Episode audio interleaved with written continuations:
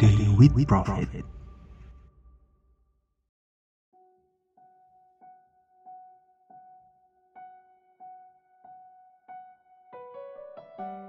Pelajaran kelembutan dari Perang Uhud Ditulis oleh Nur Ida Fitria Dibacakan oleh Ian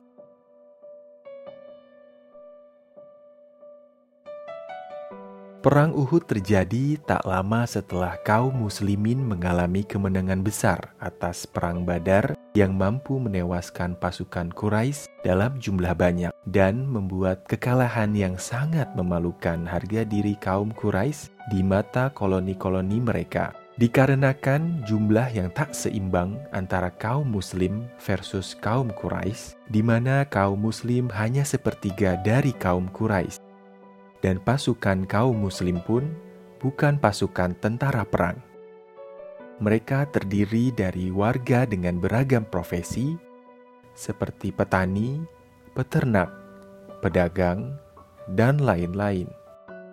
Hal ini membuat kemarahan Quraisy memuncak dan merencanakan perang balas dendam, bahkan sampai melibatkan kaum wanita sebagai tameng yang dibawa di medan perang. Perang Uhud adalah salah satu perang ikonik yang disebutkan cukup panjang di surat Ali Imran. Bisa dibilang ikonik karena dalam perang ini Nabi Muhammad Shallallahu Alaihi Wasallam beserta pasukannya mengalami kekalahan yang cukup dahsyat. Sampai-sampai Nabi Muhammad Shallallahu Alaihi Wasallam sendiri hampir terbunuh, sempat jatuh dan tak sadarkan diri hingga dikira telah meninggal oleh musuhnya.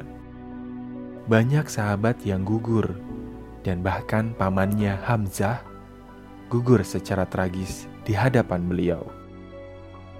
Ustadz Noman menceritakan sekilas kekalahan Perang Uhud sesungguhnya dikarenakan oleh kelalaian pasukan pemanah kaum Muslim yang tidak mematuhi perintah Nabi Muhammad Wasallam untuk tetap di pos mereka di atas bukit. Mereka justru meninggalkan posnya. Saat dilihat musuh pasukan Quraisy terlihat kocar-kacir meninggalkan perlengkapan perang mereka, pasukan pemanah ini kemudian berlarian turun dari bukit. Bermaksud mengambil harta rampasan perang dari musuh. Saat itulah musuh kembali melancarkan serangan tanpa ada backup dari pasukan di atas bukit berbalik pasukan muslim yang justru chaos. Di dalam surat Ali Imran ayat 152 hingga 176, Quran menggambarkan kejadian perang Uhud ini. Allah Subhanahu wa taala bisa saja memerintahkan Nabi Muhammad Shallallahu alaihi wasallam sebagai layaknya jenderal perang untuk menghukum pasukan pemanah muslim yang sudah melakukan kelalaian agar mereka dijatuhi hukuman sebagai sanksi keras karena telah membahayakan nyawa Nabi Muhammad Shallallahu Alaihi Wasallam dan pasukan perang Muslim lainnya. Namun Allah Subhanahu Wa Taala justru menunjukkan kepada kita sifat pengasih dan penyayangnya dengan memberikan ampunan berulang kali seperti disebutkan dalam Quran surat Ali Imran ayat 155.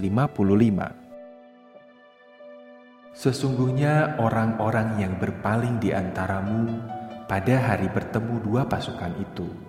Hanya saja mereka digelincirkan oleh syaiton disebabkan sebagian kesalahan yang telah mereka perbuat dan sesungguhnya Allah telah memberi maaf kepada mereka.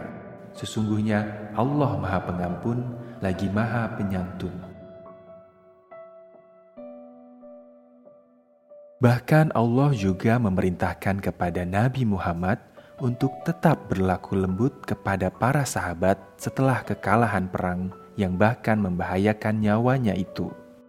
Karena para sahabat sesungguhnya setia kepada Nabi adalah karena sifat dasar Nabi yang selalu lemah lembut terhadap semua kaum Muslim. Tak berhenti sampai di situ, Allah meminta agar beliau memohonkan ampunan untuk pasukannya saat beliau sendirian Bisakah kita bayangkan Allah Subhanahu wa Ta'ala yang memerintahkan Rasulullah untuk mendoakan agar kesalahan fatal para sahabat yang telah membahayakan diri dan keluarganya diampuni Allah Subhanahu wa taala. Selanjutnya, Allah memerintahkan Rasulullah untuk melibatkan mereka dalam setiap keputusan selanjutnya. Subhanallah. Rasa cinta Nabi Muhammad kepada sahabat begitu besar dan rasa cinta yang ditanamkan Allah dalam diri beliau kepada umatnya luar biasa. Coba kita bayangkan ini, jika ada seseorang yang menyakiti hati Anda, seseorang yang mengecewakan Anda, bahkan jika Anda memaafkannya, kemudian saat sendirian Anda mendoakannya. Langkah selanjutnya yang hampir mustahil, bak mission impossible, adalah apakah Anda bisa memenuhi perintah seperti saat itu? Allah memerintahkan kepada Nabi untuk mengajak berkonsultasi para sahabat dalam setiap akan mengambil sebuah keputusan penting berikutnya. Seolah Nabi telah melupakan luka yang pernah tertoreh di hatinya karena kesalahan mereka, sehingga mereka merasa, "Oh, Rasulullah tak saja memaafkanku, mendoakanku, namun juga membutuhkanku. Subhanallah. Inilah standar dari Allah Subhanahu wa Ta'ala mengenai cinta terhadap umat yang bahkan telah mengecewakan beliau, bahwa meski sahabat melakukan kelalaian, namun kesalahan mereka tidak serta-merta menghapus kebaikan mereka. Semua langkah ini seperti tertuang dalam surat Ali Imran ayat 159. Maka disebabkan rahmat dari Allah lah kamu Muhammad berlaku lemah lembut terhadap mereka sekiranya kamu bersikap keras lagi berhati kasar tentulah mereka menjauhkan dari sekelilingmu karena sifat itu maafkanlah mereka mohon ampunkanlah bagi mereka dan bermusyawarahlah dengan mereka dalam urusan itu Ada pelajaran menarik dari sepenggal ayat ini. Ayat perang yang justru mengajarkan kelembutan, bahwa berlaku lembut pada semua orang itu yang justru diperintahkan Allah Subhanahu wa Ta'ala kepada Nabi, bahkan saat pasukannya melakukan kelalaian fatal, karena Allah mengatakan bahwa sesungguhnya karena sifat lemah lembut itulah yang membuat para sahabat Nabi tetap setia mendampingi beliau dalam perjuangan mengenalkan Islam kepada seluruh umat. Mereka setia bukan karena Nabi selalu menyampaikan kebenaran atau karena Nabi adalah rasul utusan Allah Subhanahu wa taala atau karena dakwah beliau atau hal lain-lainnya. Para sahabat datang kepada Nabi Muhammad Shallallahu alaihi wasallam adalah karena kelembutan dan rasa sayang Nabi kepada mereka. Dari sejarah ini, Ustadz Noman mengingatkan saat kita mengatakan selalu mengikuti sunnah Nabi Muhammad Shallallahu Alaihi Wasallam, apakah kita juga sudah mengikuti sunnah untuk berlemah lembut terhadap sesama? Seberapa lembut dan sayang yang bisa kita tunjukkan terhadap orang-orang terdekat kita?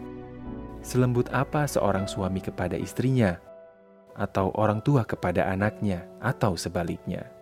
Sudah sesuai sunnah Nabi kah yang kita tunjukkan? Kita selalu membahas sunnah bagaimana berpakaian, sunnah untuk datang awal di masjid. Namun, pernahkah terlintas memikirkan bagaimana sunnah untuk saling menyayangi sesama umat? Sunnah memiliki rasa kasih dan sayang yang datangnya bahkan dari Allah Subhanahu wa Ta'ala langsung. Ke mana sunnah itu? Ini juga berarti, bahkan kalau kita harus menyampaikan suatu teguran, tentu dengan cara yang lemah dan lembut.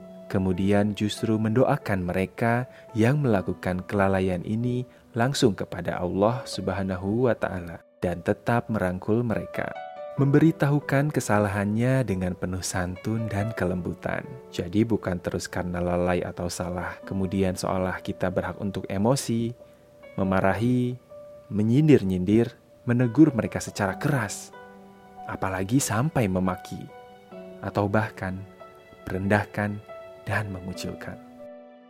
Semoga kita mampu menjadi pribadi-pribadi santun, lembut, bijaksana, dalam kondisi apa pun seperti yang dicontohkan oleh Rasulullah Shallallahu alaihi wasallam karena semua ahlak Nabi Muhammad Shallallahu alaihi wasallam adalah terjemahan Quran. Words of Allah Azza wa Jalla.